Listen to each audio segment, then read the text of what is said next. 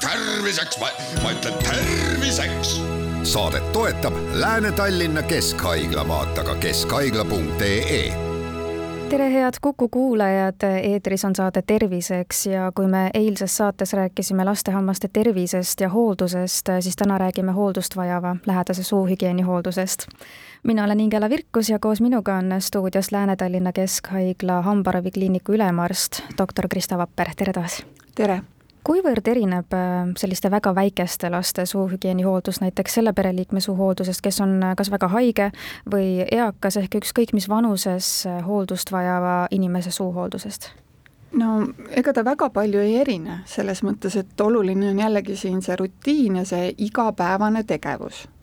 Ja eesmärgiks on siis hamba ja, ja igemete puhastamine. et äh, nüüd sõltub siis jälle see, mida täpselt on vaja teha, natuke seisundist ja sellest, kas äh, patsient on ise täiesti liikumatu, äh, see hooldust vajav inimene siis, või ta ikkagi on võimeline ka ise midagi tegema enda heaks esimesel juhul me peame siis ikkagi tegema kõike nii-öelda ise, et alustama siis juba hambaharja võtmisest ja lõpetame selle hambaharja tagasipanemisest sinna, kus, kust me ta võtsime puhtal kujul ja kindlasti jälgida seda ka, äh, kuidas on patsiendi suuseisund, ehk siis kodustes tingimustes oleva inimese suuseisund igapäevaselt, ehk kas tal on näiteks tegemist suu kuivusega, liigse noh, kuivamisega või vastupidi, liigse süljeeritusega, et kõikidest nendest äh, probleemidest lähtuvalt peaks siis äh, suuhooldus natuke olema korrigeeritud. Mida mina ise soovitan, on see, et mõne hetke pärast läheb äh, avalikuks äh, meie haigla poolt koostatud äh, kursus, mis on e-kursuse põhine, kus siis saab nõuandeid, mis on tasuta,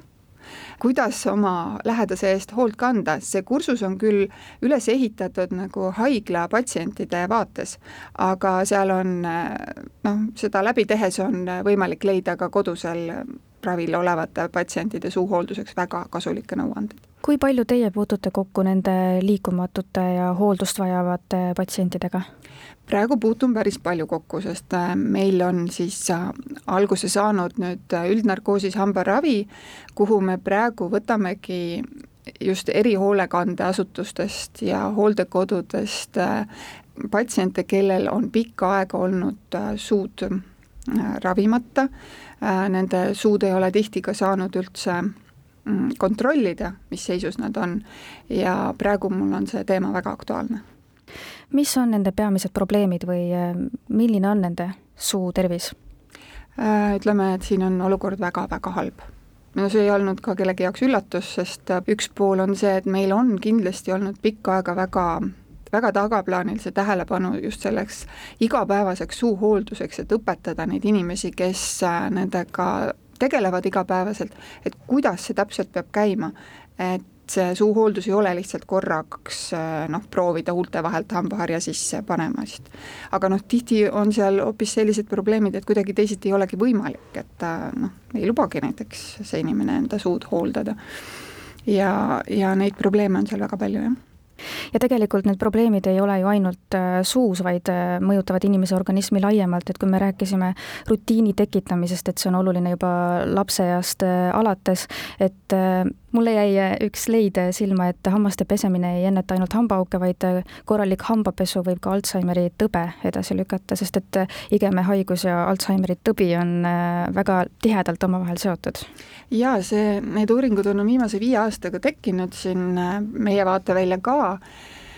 seal ei ole ka ainult Alžeimeri tõve ei uurita, uuritakse ka Parkinsoni ja, ja skleroosis multiplexi seoseid suuhügieeniga siis, aga seal on hästi palju veel ikkagi uurida ja, ja selgitada, et noh, teatavasti need teadmised, mis tulid meile, mis on nüüd selgelt kinnitust saanud, et ähm, ütleme, ähm, südamepõletikud ja põletikulised seisundid südames ja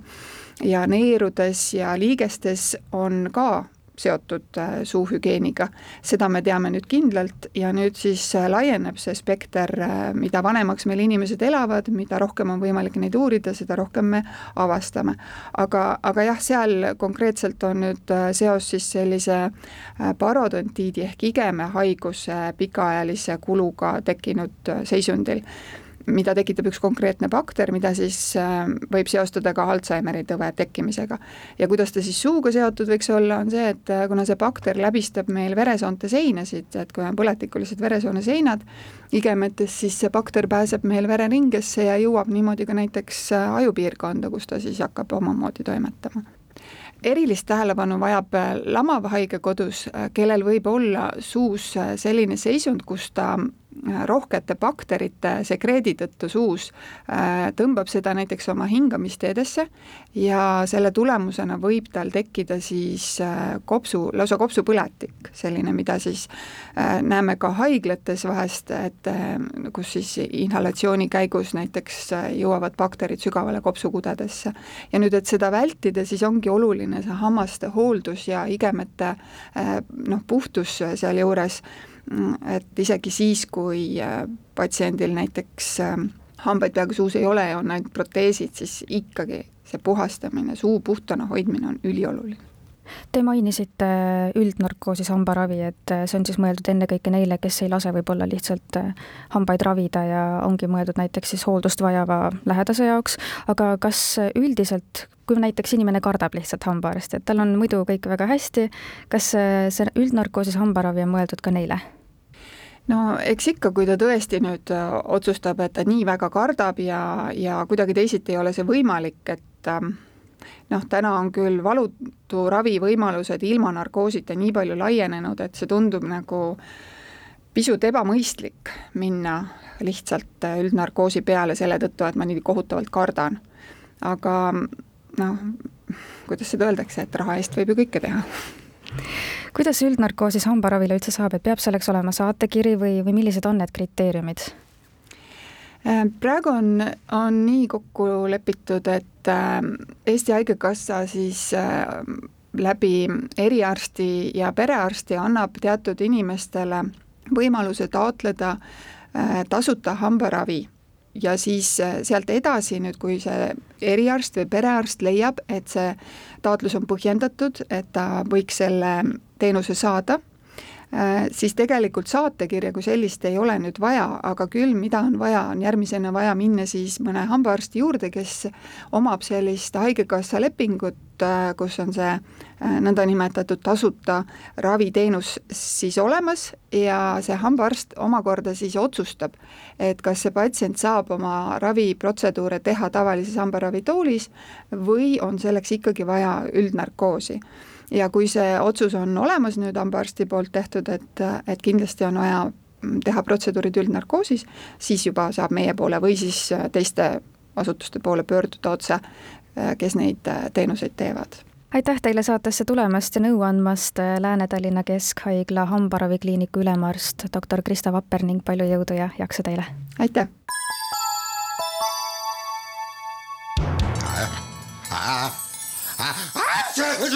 Terviseks, ma, ütlen terviseks. saadet toetab Lääne-Tallinna Keskhaigla, vaata ka keskhaigla.ee